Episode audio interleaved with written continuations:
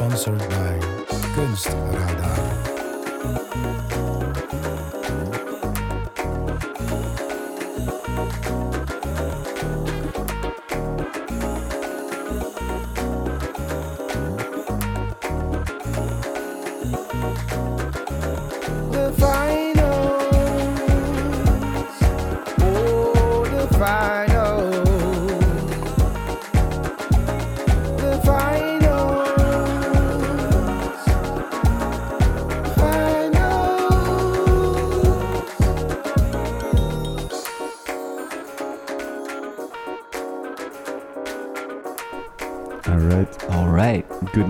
Morning, Sean. Good morning, Gideon. Here we are again.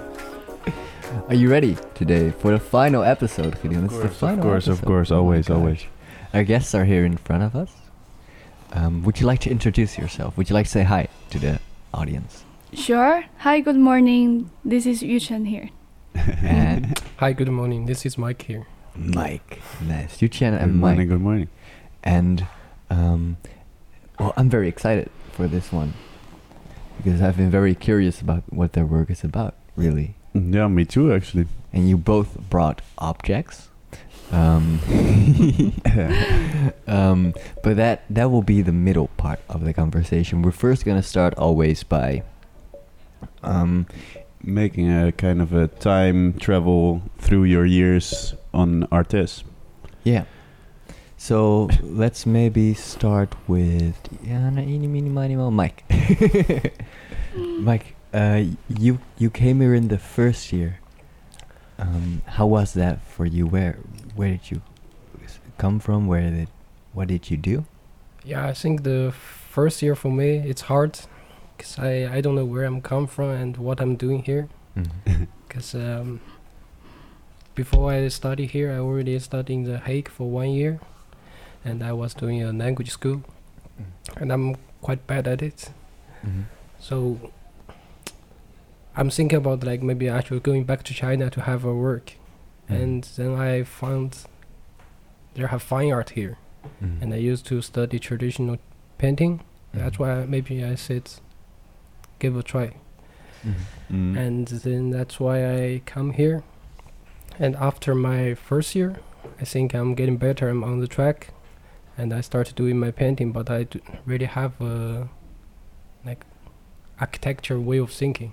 I like straight stuff, and I like to be precise in my work, and I like to organize my work. Like I said, in the first year, you made some really cool portraits, I know. Yeah, I did some sculpture.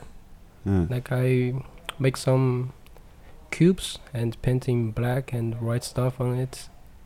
Yeah, but I think that's not really I want.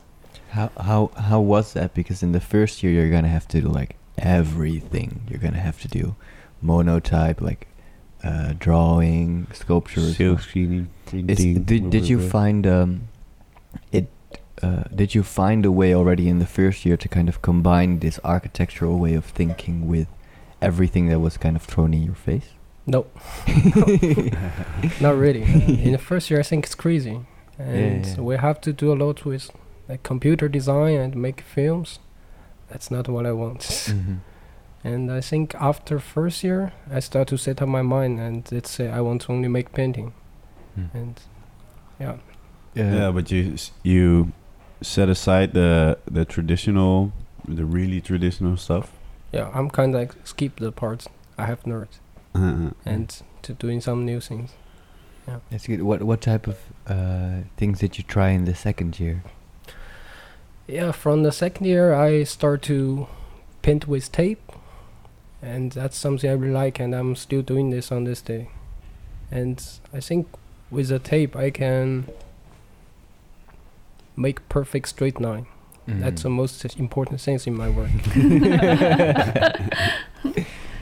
yeah.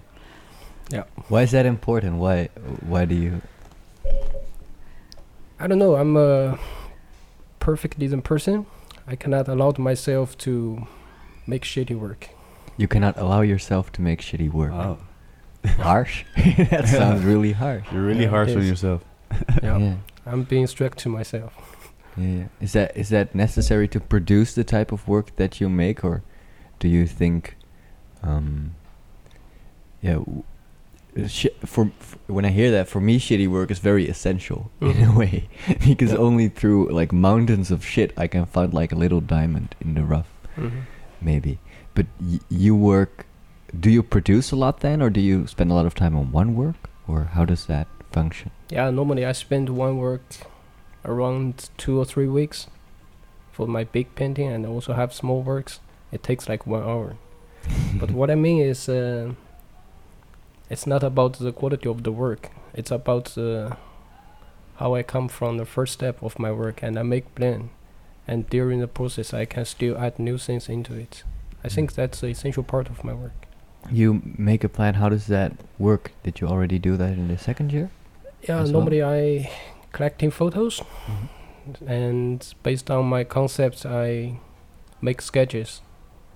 And but during my process of making work, and I also look what what happened during the process. Like sometimes accidents happened, and yeah, it's especially for nowadays. I I start to use different media and also paint with pencil or other kind of medias to to make the shape in my work.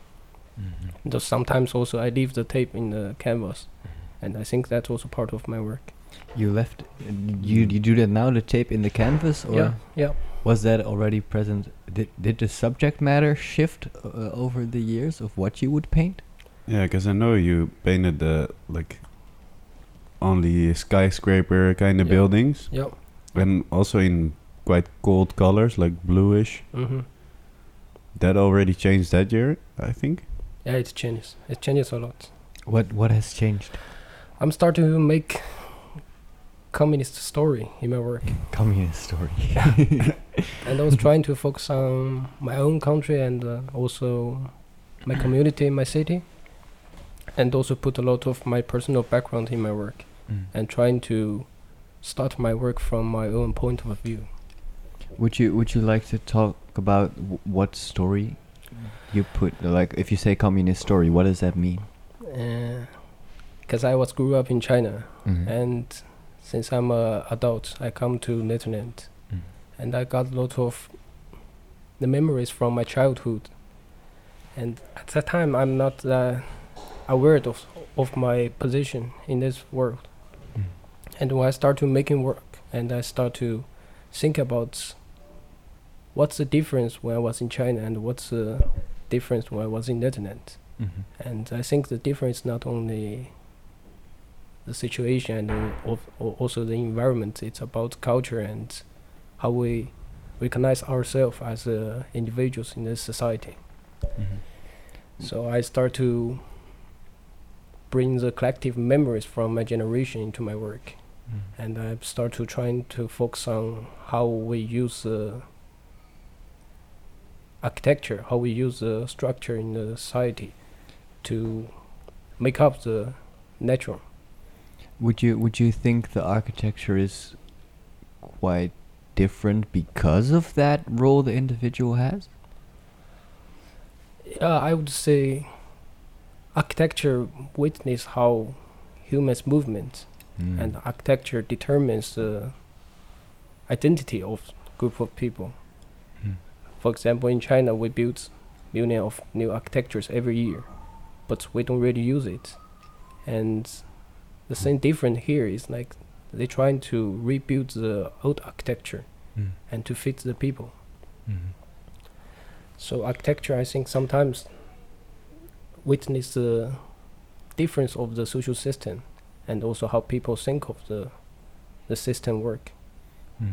Yeah. And it's all through arch- the lens of architecture Yeah, that how, you look uh, at it. exactly. How do how do you visualize this on your canvas? I'm trying to focus on some specific architecture. Like for example, in China, in my hometown, we have the one of the biggest dikes in the world, and that's my that's one of my work. Mm. In that architecture, I think it changed the whole situation in my hometown. Like Mm. my hometown start to become a rich city, Mhm. but at the same times, it caused some natural problems. Like we had the earthquake in the 2008. 2008. Yeah, Uh-huh. and she knows uh, her facts. the funny Wow, thing it's is that such a big tragic. Like Uh-huh. we still we have to commemorate that day every year. Yeah, and uh, from my point of view, I think the the dikes changed the whole situation, and it's caused the earthquake. It caused. The and many people said that, but the government said the tax only bring you the benefit of the economics. Mm. Like sometimes they're hiding the truth, Mm. Uh-huh. and that's why I bring the story into my work. Yeah. Mhm. Uh, what what did that? Did you feel? First of all, were you there while the earthquake? Yeah, It I was there, and I, at that time, I I- I'm like uh, twelve or thirteen. Mm. And I still remember my father is wearing the underwears and trying to pick me up. And we lived in the car for like one month. That's very Yeah, intense. that's crazy. Yeah, Yeah, Oh. yeah. yeah, because the earthquake not only happened once, like they have several times after that. Mm. Oh, so it, it it wasn't even one big one. It was m- a couple of them. After the big one, you also have small one. Yeah, yeah. Yeah. It's like an after aftershock type of thing. It's so intense. I are, cannot even are all these stories in your work this heavy? Or Yeah, I wouldn't say it's heavy, and I'm just trying to paint the fact and to remind people this is problem we are facing right now, and we maybe have to do it better in the future. We have to figure out a way, but I'm not like only judging this situation. But I'm trying to talk about this question in a very honest way. Uh, what what question? Because I talk about this question. Is that the situation as a whole, or like what do you mean with this question? Yeah, I think my question is uh, now we are in the battlefield, and the person is ourselves as a human, and also we're against the nature. We're trying to change the nature in our minds, but sometimes it doesn't just it doesn't really works.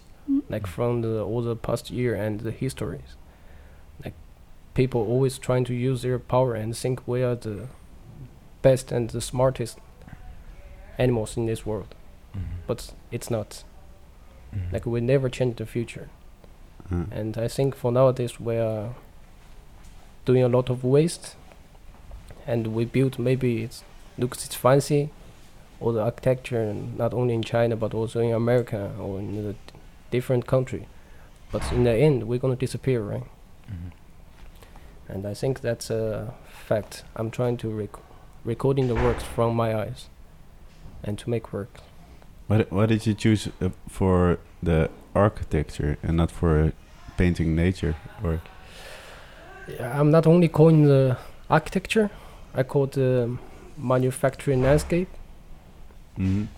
I think the architecture is not only a building to make people living, and also I think also it's kind of landscape. We made beautiful things. Since this school, I already don't know the meaning of the word nature, anyways. yeah, yeah, know, that's it's true. like- that's true. yeah, yeah. Uh, it's uh, it's very beautiful. Would you say you're trying to kind of capture it before it goes? Yep. Ah. That is very beautiful. it, it, it is. It is. I never saw that when I looked at your paintings, and I was like, "Oh, that that's it. That's what it's about." That's really nice. Also very heavy. It's like, A little bit. yeah, yeah. Can I ask a question? Of Yeah, course, yeah, yeah, yeah, sure, you you you, can you both can uh, ask questions. Ah, okay. Like, do you want to tell these background stories to your audience somehow, or is or uh, open? Yeah, I think I'm not gonna tell talk about the story, cause uh, it's only from my side in my work. Mm. and what I want is the audience gets the interaction with the painting, and they can bring up their own story. That's why I call it the collective memories. hmm You're So trying. there, s- so there's never a story next to it. Sorry. So the, ne- there's never a, a, a canvas with the with a story next to it, or No, no. Hmm, I really like. I think it's a shame actually, because these stories are No, No. no. Oh, but I also maybe my, uh, understand. uh, I also understand Mike's uh, thinking, like not to keep it too narrowed about the artist only. Uh, It's like a point Mm. of departure Yeah, and yeah. how others can also interpret. It's the placing of something in between for the audience to kind of reach a point where they can recognize their own story within what is there. If you, if you, if this story would be what it is about, Yeah. then I think it would be very, like you said, very narrow in a way. And I think that's very poetic and beautiful in a way too. and, and generous in a kind of way. Do you Just giving it out there. Yeah, yeah, yeah. Yeah, I think for me, I don't see my painting as a as a painting. I see it as a visual language. It's like Ah. something you can read from the canvas. Mm. It's like uh, Mm. So you secretly, after the Hague, you still do something with language, and you say you're bad at it, but I don't think you are. Different kind of language. I'm trying to visualize the language Ah, actually. trying to visualize the language. Yeah. That is. I think that. That's I also think, uh, Funny, like there's always a language barrier when you come into another country, hmm and to visualize it, it's Yeah. quite a smart, smart move actually. yeah, yeah. I think that's a good point to move on to Yuchen, so we can later hook on into this one, and then go to your object. I think that's cool. a great little to kind of build a bridge off. Hi, Yuchen. Good morning. Hi. Uh, should I talk about my four That's, uh, years evolution? Yeah, yeah, yeah. Wh- what was it like to uh, come here to ArtEZ, or like where did you come from? What did you do before? Wow, that's a long story. Um, I have a funny story to tell actually. I always had an idea that I want to come to Netherlands when I'm 25 because it wa- I watched a movie, a Korean movie called Daisy, and it was shot in Haarlem and Amsterdam. Oh, I wow. watched it really uh, at a y- very young age in my teenage year. But How, how old are you now? don't ask that in the podcast. Good But- point. but then but then afterwards i always have this seed like oh one day i would like to go to this country full of flowers and canals and boats so beautiful and do something related to art even though at that time i was studying biology Uh, so there was a Did you do biology? yes i did a bachelor in biology uh, and then i worked for uh, media in media business for two years before i uh, then i decided to quit my job and then really come to pursue this dream which many of my friends thought it was very ir- unrealistic but when i really land here in the netherlands i just turned 25 so i thought wow this is something meant to be. Yeah. And then i came to this school in ArtEZ the first year was quite interesting because it was like ah i'm not a working adult anymore i can be like i can go back to a student life and things are super creative and interesting it was just like a very uh, trouble free or worry free time Mhm. and that i can continue to explore I can ma- I can imagine it's uh, a big difference from the other studies that you did. Like uh, Yeah, yeah, it's super different, like 180 degree different from right? my previous study, which is science, and then also my work in business is very different. And I also recognize the first year I had a very goal oriented approach towards art. So I come up with an idea and then I execute it from point A to point B. And Mhm. there's no um, there's no surprise and there would not be any kind of uh, detour. Like i would just go straight to my goal. Uh, but i think it was uh, the painting teacher robbie Yeah. who pointed this out to me. Like why do you always have this a to b approach? Then i then i started to look at um, to to to get lost and also like to allow mistakes sometimes it's Mm. like this Experiment some more. exactly sometimes there are there were um i hear some buzzing sound Yeah, that's uh, on the background. Some people were. Uh, Uh, Like a persistent, like. Uh, yeah yeah where was i yeah sometimes i feel um yeah there will be like coincidence you know a drop of ink or things that just happen to be around. Then it's also nice to learn to trust the intuition trust uh, what happens uh, how to read coincidence for example and how to in- embrace with coincidence. And then this uh, creating art is no longer a one directional process like me projecting what i want it's like i have a dialogue with the, the material as well material will tell me what they want and, and What, what did you like the most from the first year? Like what medium? You Mm, 3D I really like and uh, AV. Yeah, audio visual. the the thing Mike uh, really didn't like. and and how um uh, because uh, of course n- you're working a lot with narrative through these uh, 3D uh, sculptures, videos, recordings. It, it's a lot, but it's always narrative based. I think. How how did that already happen uh, or occur during like the second year and the third year, or how did how was the second year for you? I think the narrative you mentioned is more of a decolonial narrative. Ever since I came here, I think I was already uh, troubled, not troubled, like I was already. Mm, I have to face this question that I have in my mind. Which question?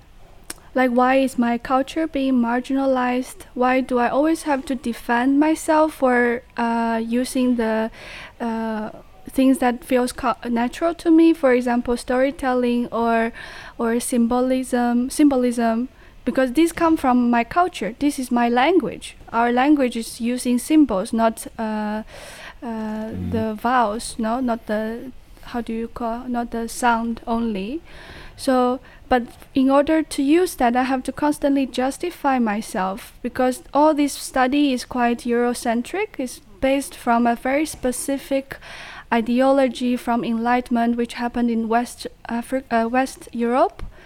So uh, when i faced that friction it forced me to look deeper. What is happening here? Am i too sensitive? And i is, is that something uh, that's in my imagination or that's really something that more people experience. And that actually led me to learn more of the decolonial theories. And then i felt super relieved because suddenly these things can be articulated. Like there is a word for it. And there are many people who are analyzing why why this phenomenon and how can we tackle it how can we talk about this. So that was really like a political awakening for me And to what's that? to Huh? which when was this? Like already from the first year? Or Yes, from the first year, I constantly have to fa- face this friction. And you know, I have lived in other foreign countries before, and uh, in Singapore, in Thailand, and I traveled to Eu- uh, to US. But this is the first time I'm living in a European country, and um, and of course, I had the idea that uh, Netherlands is super tolerant and and uh, open-minded, progressive, but something that's hard to describe was uh, constantly happening to me, you know. In, um, so that was like uh, try try to describe it. no, no, just this. I there's this feeling that, um, mm, like, like I don't, I don't fully agree with the criteria or standard, but there seems to be the only standard available. So Mhm. how can I come out of that? How how can I resist this, you know, and then try to broaden it? You you're talking about the standard of of, Of the this kind- academy, right? of this academy, or more of the of the situations that you were in in in certain cities or the country or I- Europe. I think both. Like in this academy, what is what is considered contemporary art? What is contemporary? Why certain other art form is deemed as traditional? They are not part of contemporary anymore, even though they are right here in the same time that we're living together. Is not is like a time racist, you know, like you're backwarded. So all this all this uh, con- concept or perceptions. Like I have to constantly rethink: is that really true? So all these frictions lead me to the decolonial narratives, which I carried on more and more in the second and third and now fourth year. What?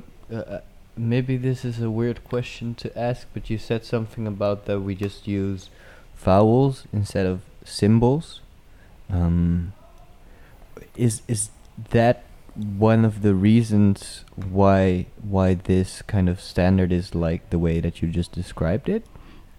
Or It's okay that you say this is the standard or this is the tradition for Western uh, European art, but to universalize it says this is the standard for all arts, and arts that are different do not count and do not uh, count it as contemporary. It can be like folk, f- uh, folkloric, like it can be like for folk art or low art or like uh, uh, art and crafts, you know, but it's not considered as fine art. so there's a Mm. like there's an indiscrepancy in the way that it gets carried out instead of recognizing one's position of this is the European way of looking at it it proclaims itself The to be universalized. u- the universalized truth in a way it kind of monopolizes the damn So we're getting later on- schooled Gideon. we're like yeah. So later on, I just try mm, more to bring the underrepresented narratives more and more into my work, and then sort of to challenge the dominant narrative in this society. Be- is that a kind of a subversive effort like in a way of uh, kind of going against it or is that more a going with or like how how do you I give think, these narrative a place I think it's more like humbling the domi- dominant narrative. How can you humble yourself so that you're able to listen to more and not to not to guard these boundaries which are man-made and which are very close-minded and how can we embrace more variety or diversity nice. Would how how how do you visualize all this all this uh, researching? Well, I have to find different medium. So one medium I like to use a lot is from food. Mhm. yeah yeah Yeah. So What how- kind of food?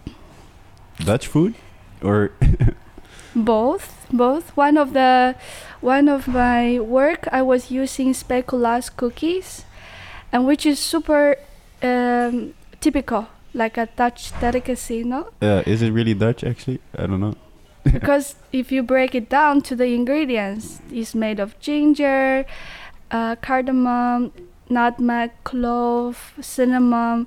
Where do these come from, and what Mm. kind of um, what kind of history it has ca- uh, they carry with them, and what kind of political changes it has uh, they have brought. So these are the things that I like to tackle, and through and this like telling stories through food, through the making of food, and maybe also the sharing of food after making it. Why food is it because of the sharing It's so profound, I feel, for human survival.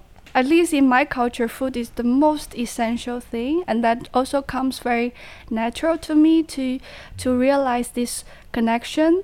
Like food is like the vehicle uh, for us to realize the connection with Mother Earth. You know, every, every, different plants, different grass or trees or fruits, seeds, they nourish us, and that's connecting us with the other beings in, in nature.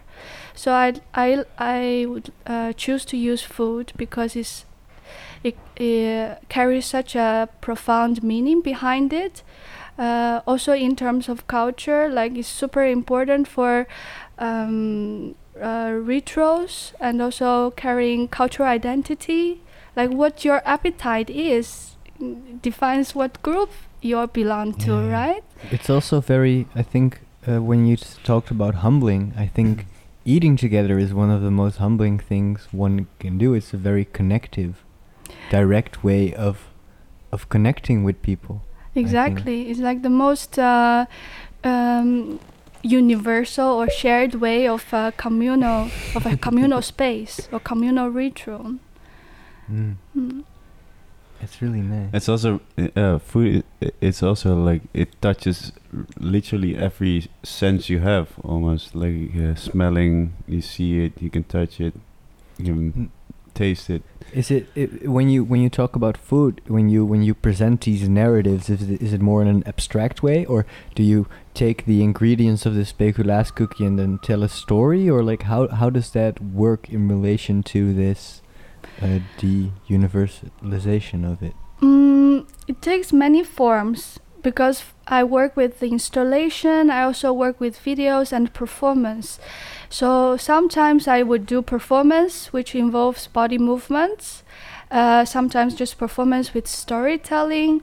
And there are also times that I use uh, videos to combine it. Like one time I invited uh, Zoe Martin from our school. So she is doing this um, like a YouTube tutorial kind of video to show you how sh- you can make speculaas from scratch. And hmm. she was sharing a lot of, of her childhood memory with this with this cookie, which I also want to validate. This is quite important in this culture. But at the same time, is it nice for us to all know more about the background and about the history? And what does it mean for us to know about these histories? Would it change something? So that would be the question that I pose uh, in the work.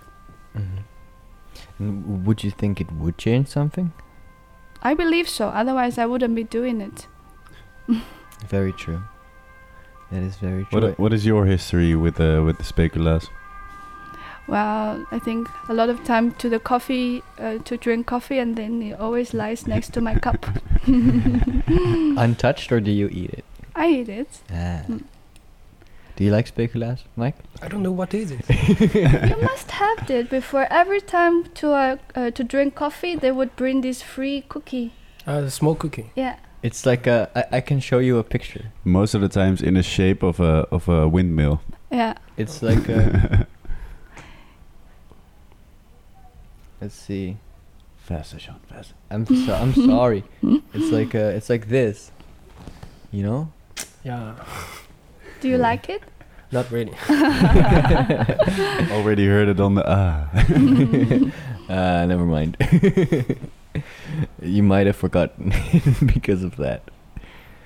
I think it is time to move on to the object. yeah, right. Yeah, I was also looking at that. So, uh, Mike, you brought a canvas, of course. Would you would you maybe like to de- describe what is what we can see on the canvas for the listeners? What Yes. is what is literally on there, so so people can visualize it at home. It's uh, you're looking from the visual from the sniper, Mhm. and he's trying to shoot uh, stamps. Uh, uh, steps? stamp. Stamp. Stamp. Yeah. Ah, stamp. So we see kind of a round shape on Yeah. it. The edges are black. There's a s- in the circle. There's a sniper thing, and so it's uh, almost seems like it's taped onto onto bricks Yep, or a it's wall. bricks. It's a brick wall. And uh, what we can see is a stamp, and it's a stamp that has nature on it. Does it have a year? Can I touch it? Yeah, yeah, you can touch it. The stamp is. What Does do you, it feel special? The canvas? I just want to look it up close. so Sean also sees what what he's talking about. Ah. the the f- the year is 2003. It says Ruhrgebiet. Yeah, Do you have this stamp yourself? I do. Where did you get it? I find in a second-hand store Ah, next to my home. next to your home. Yeah. That's so nice. The wh- what is it drawn with this stamp? Because it's quite uh, detailed. Yeah, actually nowadays I'm really interesting with the history of the German, Ah. but not the German right now. It's it's more after the, the Second War. It's German separated into two different countries. Yeah, yeah. One part is uh, it's um, Communist? communist. It Yeah. belongs to the Soviet Union, and one part belongs to the the U.S. Right? Mhm. and I was interested in how the system work, because inside of country you have two different systems, Mhm. and as the people inside of the country, you also cannot go to another country, because they build the wall. Mhm. So that's a painting I'm working on. Not only the small one, but I also have a big one. A big one. And and you, You all got this from one stamp. Yeah, not not really, but uh, Uh, the stamps it's very funny. I think it's um that tells a lot. yeah, it tells a lot. It's already a painting, I would say, right there. why did you pick this one to bring? Because in this small canvas, I'm trying to showing how I look at the world from different angle. Like sometimes I use uh, sniper vision, sometimes I use a camera vision, sometimes I use uh, the the window from a car to see the world.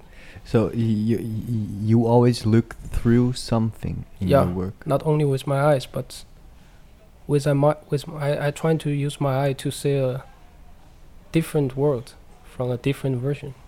Mm-hmm. Wh- What what is this? Is it just a way of of of looking, or is it also a way of thinking about it? Because for me, a sniper vision is it tells a story in it on its own. When I- when I see a sniper vision, it's Mm. very Yeah. uh, it tells a narrative already. It's quite aggressive as, as well. Yeah. Like, Yeah, it's not only about how I look at it, but I think if you use different fil- filter or Mhm. different layer, it changes the story Mm. and also change the way how you look at it. If Mm. I only paint the s- stamp on the canvas, maybe people think this is a good work, it's a good painting. But if I choose another filter, if I use uh, like the sniper vision, it makes aggressive sometimes, and I think it's more easy for people to relate to the story what what's happened at that time, Mhm. and also it talks about the history itself. I think. Mhm. So you look at it through all these uh, different different lenses in a way. I like that. what does the what does the brick wall tell us? Yeah, I want to paint the burning wall, Mm. the wall of burning. That's why I paint the brick wall. I don't want to make it complicated. I just want to make a simple painting. Uh, no, sure, but uh, simple I, paint. I mean, I mean, everything tells something. That's why I was uh, Yeah. wondering what is the brick wall then. You know? So- so- it's more like a symbolic. It's not. it's symbolic. Yeah. Do do do you feel like within this uh, story of the dam there are similarities between the split of Germany into two different uh, ideologies? In a way, do you see kind of uh, is there a connection there, or Yes. I, I, I didn't get the question. the question is, um, does this work and its subject relate to uh, this The divide uh, of the- 2008 earthquake and the dam and the way that it was being talked about? Uh, no, no, no, not No, really. no. It doesn't. It doesn't really relate to the earthquake, but yeah, because I'm trying to focus on what was happening in our world. Hmm. Like sometimes accident happened, sometimes war happens, Mhm. and I think that's a big sin for all the human in this world, not only myself. And you would you like to kind of remind people of of that or? Yep, yep. And wh- Can I ask something? yeah, yeah. Because I thought of it like um, the east of uh, Germany was communist. You told us you were telling us communist stories. Yep. Are you really? Are you really like following? Like is uh, uh, Cuba coming up too, or uh, what? Cuba? Yeah, The I mean, are are you are you following this communist movement kind of to to tell their stories or something, or Uh, no, I'm not I really follow the storyline from the history. I'm more like my experiment, like how I how I feel when I live in the socialism country, Mm. and we have our own movement in China. But I'm not gonna like telling the story, the story of the history. Mhm. But it's like some specific moment happened in my life, and at that time, I'm lucky to witness this, and then I can talk about it. It's is it, i- is your position one of uh, where you have a strong opinion on it, or is your position more of a middle ground where you just display this communist narrative without really having an opinion on it? Uh, that's hard. That's something I'm also struggling in my work. Sometimes I have my opinion, but uh, you know, when you're talking about this story, it, you, you shouldn't, you shouldn't really have a strong opinion, because that will makes people think in a different way. So Mm. I'm trying to stay in the middle and to talk about in a dialectical way. Yeah. It's quite nice how somehow this architectural way of thinking, which you say, I really want to paint a straight line, Yeah. but then these stories are very poetic and abstract and they symbolize something uh, very, very different. Do you, which is, do you think it's more of a symbolic thing than what is actually painted? It's a symbolic, and it's more like a reflection of the society. Mm-hmm. Because sometimes I see the architecture as a soldier, As a what? as a soldier, like they're collected in the city. Soldier. So, like a soldier as in with a gun? Or yeah, from the army. Yeah, right. Let's say when you look at the two building behind us, I think that's more like the general in the army. Uh, the tall building they have the attributes. Sometimes it re- relates to the politics. Sometimes relates to the history of the movement. So they got their own attribute and they, they talk about their own story. And as a human, we inside of the architecture, our behavior sometimes change the attribute of the architecture. Mm. How, would you give an example of that? Um, I couldn't find an example. but uh, The attribute of the architecture. Sometimes our behavior changes the attributes of the architecture. like, just uh, trying to figure out what the it means. The soldier has an attribute attribute wh- which tells a story. Uh-huh. yeah, let's say if, if you found uh, a really tall building in a socialism country, Mhm. and sometimes it works for the government. This building it works for the government, Mhm. and uh, but let's say if you found a tall building in the Western world, sometimes it's for a company. It's more for an individual, for person Mhm. to work. So, but but it, isn't it more of a of a kind of a dialectic thing instead of a one thing forms the other in that way? Because uh, if the go- it's a government building, then all the the building decides what goes where in a way, but at the same time, I decide how I kind of go about that. Yeah, I think the if you you are in the socialism country, the government's gonna decide if this is this building is works for government. They're gonna build really high and they're gonna make it looks nice, Mm. right? So that that's how they change the attribute of the building. Because Ah. building is just uh, concrete things. Mhm. Yeah. That is quite nice. I love the way of thinking though. yeah, it's very hard to protrude for me or like to fully grasp it.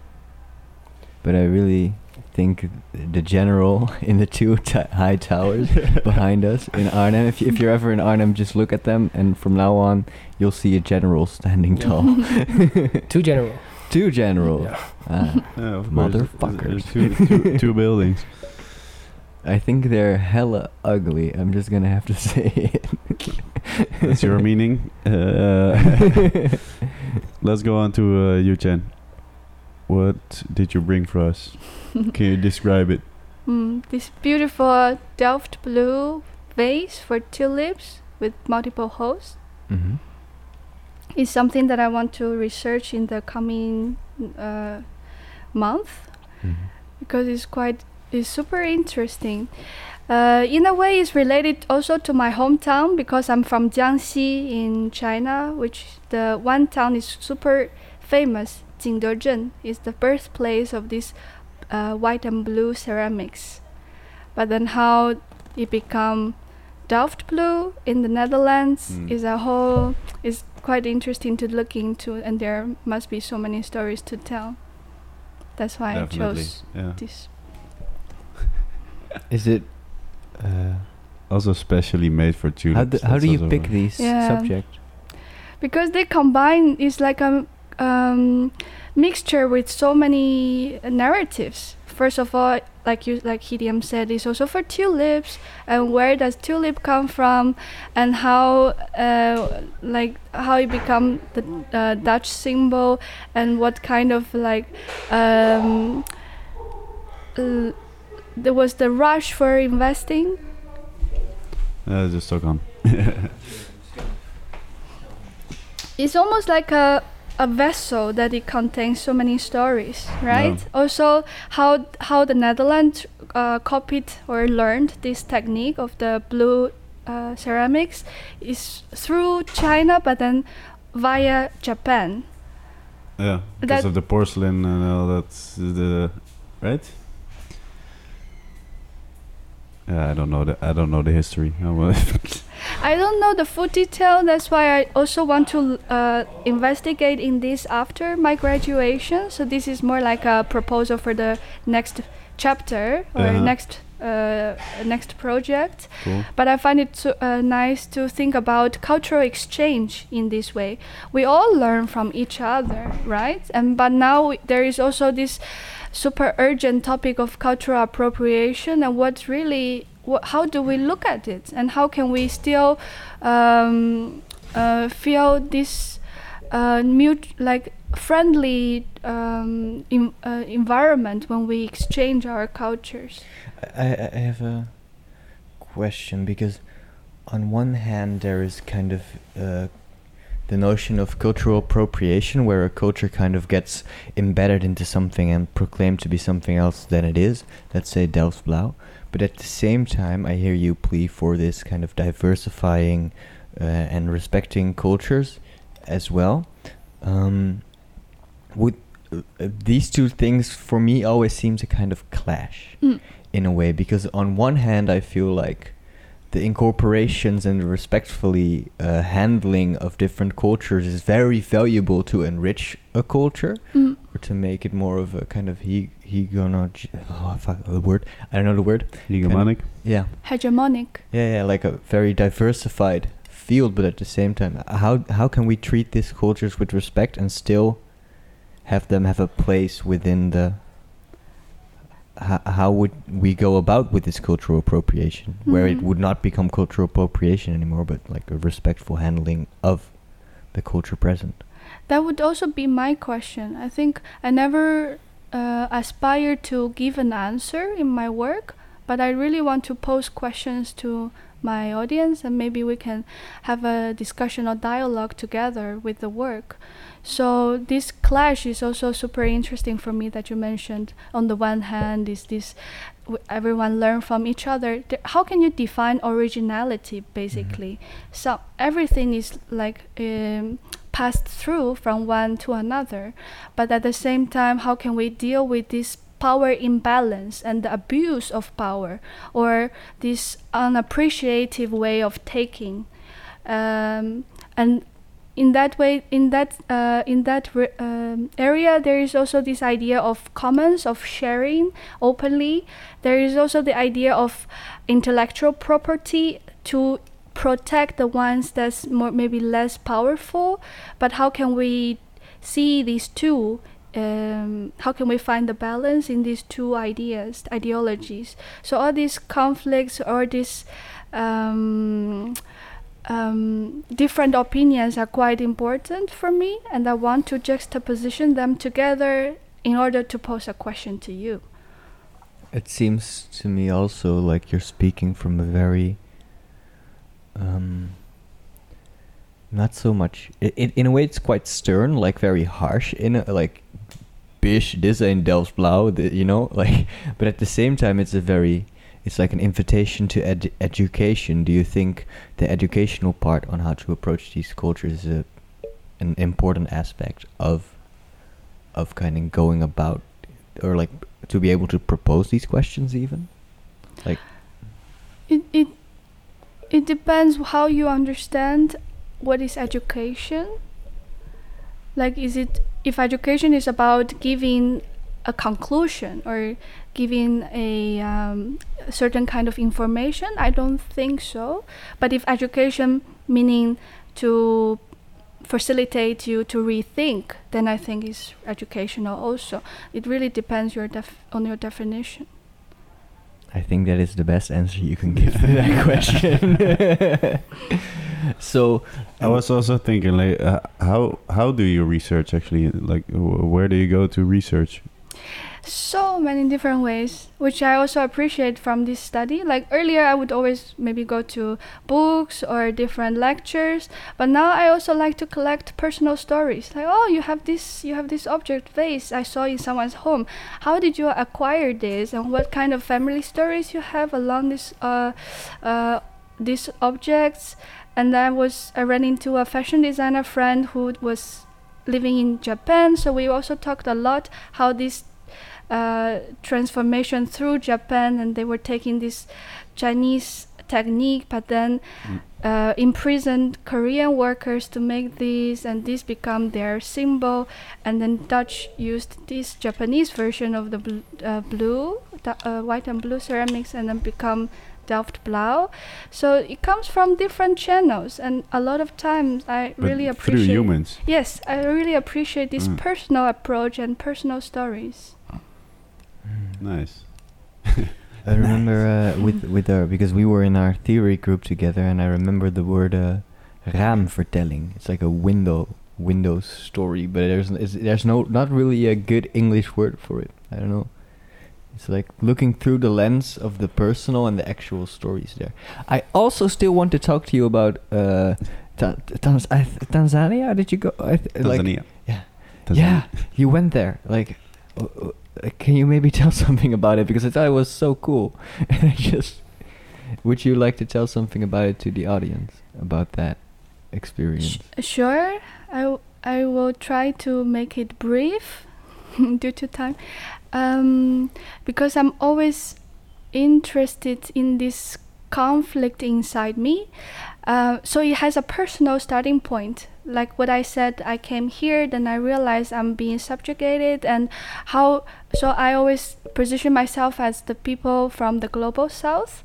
But then at the same time, later I, I cannot deny that my own country is also uh, super Im- uh, aggressive imperial- imperialistic power. And so I'm one of the oppressor as well. And how do I understand this conflict in me? Um, so that pushed me to look into, to investigate more about this Chinese col- uh, neo-colonial uh, expansion and I found East Africa super interesting also because of the historical connection. They were the last stop for the Maritime Silk Road since the third century. So for so many a thousand years, they have connectivity. You can still find Chinese potteries in Kenya. Like there is even like a, a, a village they cla- they claim they are the offsprings of Chinese shipmen who got like bashed with the shipwreck. So all Mm. these interesting stories, but now how so they have this friendly connection before, but now China comes again with this Belt and Road Initiative. Maybe you've heard about Yeah, it. yeah. This multi-trillion dollar project for the next 500 years, like to connect all these important ports and then to revive the the Silk Road. Uh, but this time their approach is m- quite uh, problematic, I would say. So there are also different opinions, different criticism, uh, and criticism in comparison to the Western uh, colonialism. So all these things entangled, and I wanted to really go there and find personal stories again. It's super uh, important for me to find like personal narrative uh, in like in compensation to these state narratives. Th- because I ask you about this because I feel like it's such concrete example of all the things that you like with the person I wanted to kind of give an example of that through this story because that makes it imminent in a way it makes it very this is what or like an example of something that you're trying to reach for maybe or like Also, I believe when looking at really at personal experiences, then our view can be more plural. it's so hard to draw a single singular conclusion when you see these multiple or so many different um, type of lives or experiences people have to go through and perhaps that would also make us more empathetic or more um, uh, open to accept or less easy to judge. Mm. Uh, I think I have one final question before we move on to the last part, which is the future, because now we talked about the past and the past and where we are now in your uh, work and then the future. The last question I would like to ask, um, if there are listeners, or this is also one that I ask for myself, is there somewhere I should start to read or look or uh, to be able to kind of get a grip on these subjects, on these complicated subjects that you're handling, to kind of educate myself so I can re-question my position? Is there a starting point or a book or? Well, if for listeners in the Netherlands, I would highly recommend White Innocence, Mhm. written by Gloria Wekker. Okay. That's a very specific answer. Thank you so That's much. That's a good answer. I will definitely get that book after. I will like read it. I, I'll, I will do that. Okay, now another, literally the last two questions we have for you, both of you. Uh, what we will, what, What are can we go- expect during the finals? Give us a little bit of a of a like a like a tip of the Sneaky peek. iceberg, like a sneaky peek. Mhm. Only if it's sneaky. and the second part is, what do you want to do after this study? What what are the plans for the future? What does the future hold? Yeah. My final, you're gonna say six or seven page of my diary. It's a visual diary, and uh, Ah. for the future plan, I'm gonna take a gap year, and I want to go travel to to really see how the manufacturing landscape occupied in the nature, and I wanted to talk to the people right there, because uh, the collective memory not only talk by myself, but not on also only talk by specific person. It's about the community. The people lives right there, and they got the deeper feeling of the manufacturing landscape. Where where do you want to look at this? Mm, Where are you gonna start? Actually, I would say Because- I'm gonna start from my own country, Mm. you know, and after that maybe the Europe and also Africa, maybe. Yeah, but I still didn't put the things on the plan yet. And I, and I just heard I got a little little tidbit of info before the podcast. Something with a restaurant. Yeah, that's a tryout. I'm not sure if it's gonna work, but uh, it's like a side job I want to keep doing. Not only stay in the studio doing painting every day. And it w- Yeah. So what is it exactly? he said restaurant, but Yeah. you tell us more. Uh, the restaurant, it's uh, it's I want to try something different, not only to be an artist.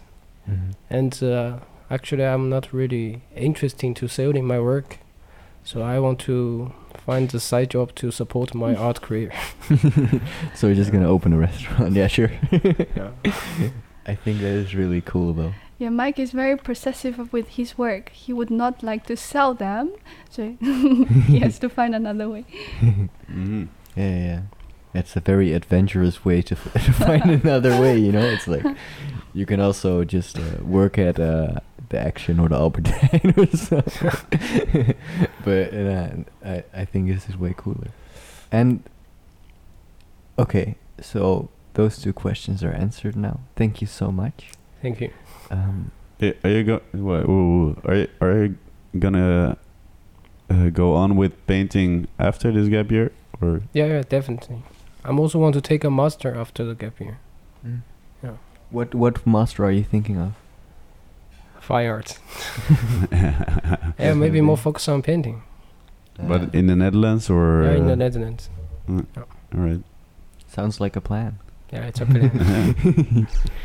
Yuchen, how about you? What what what can we expect from you from the finals? Hmm. A lot of stories from unheard voices, mm, thea- theatrical, and um, sensory. or do you want me to tell more? No, no, I, like it actually. is- I think this is a good. Uh, I think we talked about your work already a lot, so people will have a good guess now. Yeah, people just have to come by really and see Exactly. the final show. Mhm. and after the finals, what what are your plans? Mm, I have several projects going on, so I would just continue them. Um, I would go on to. I went to Tanzania already this year, but the next year I would go on to Zambia and China to really finish the whole research. Um, and I'm also looking forward personally. I want to live in a farm and to really try more like living in harmony with nature. How can I perma- per- permaculture? permaculture. yeah. If possible, yeah, that would be great. But that's still like a, a dream, and I want to see how it would be unfold. I don't know how you do it. It's like so many projects. Oh, and I also want to work on the farm. I'm just gonna go to Zambia and then China and then do this and that. It's uh, it's really amazing. I really you. think you're doing a great job. Yeah. So if Mike as well, listeners, like if you have land to rent, let me know. I know a guy that. If you're that person, you can you can just call or like email us. Info at kunstradar.nl. That is that was our, our little shout out, and then now it's t- time for your your little shout out. Can we find you anywhere online or? yes, definitely. I have my personal website. Mhm. Uh, should I say it? Yeah, Like, yeah, definitely. This is your moment. Like, Uh, go for it. It's quite easy, like uh, just studio liuyuchen.com. That's my personal Yes. website. Mm. Yeah, you can find me on my Instagram page. It's M1KYYY. That's it. All right. Um, like Mickey, but then the I is uh, one, right? Yeah. Yeah. Mm. That sounds good. That was the last one. Yeah, I guess so. This feels It weird. was fun. Thank you guys, Thank Well, you so thank much you. for your. Happy to and be here. uh, good luck at the finals. Yes, good luck at the finals. Thank you so Yo, much. thanks. Thank you. Sponsored by Kunstradar.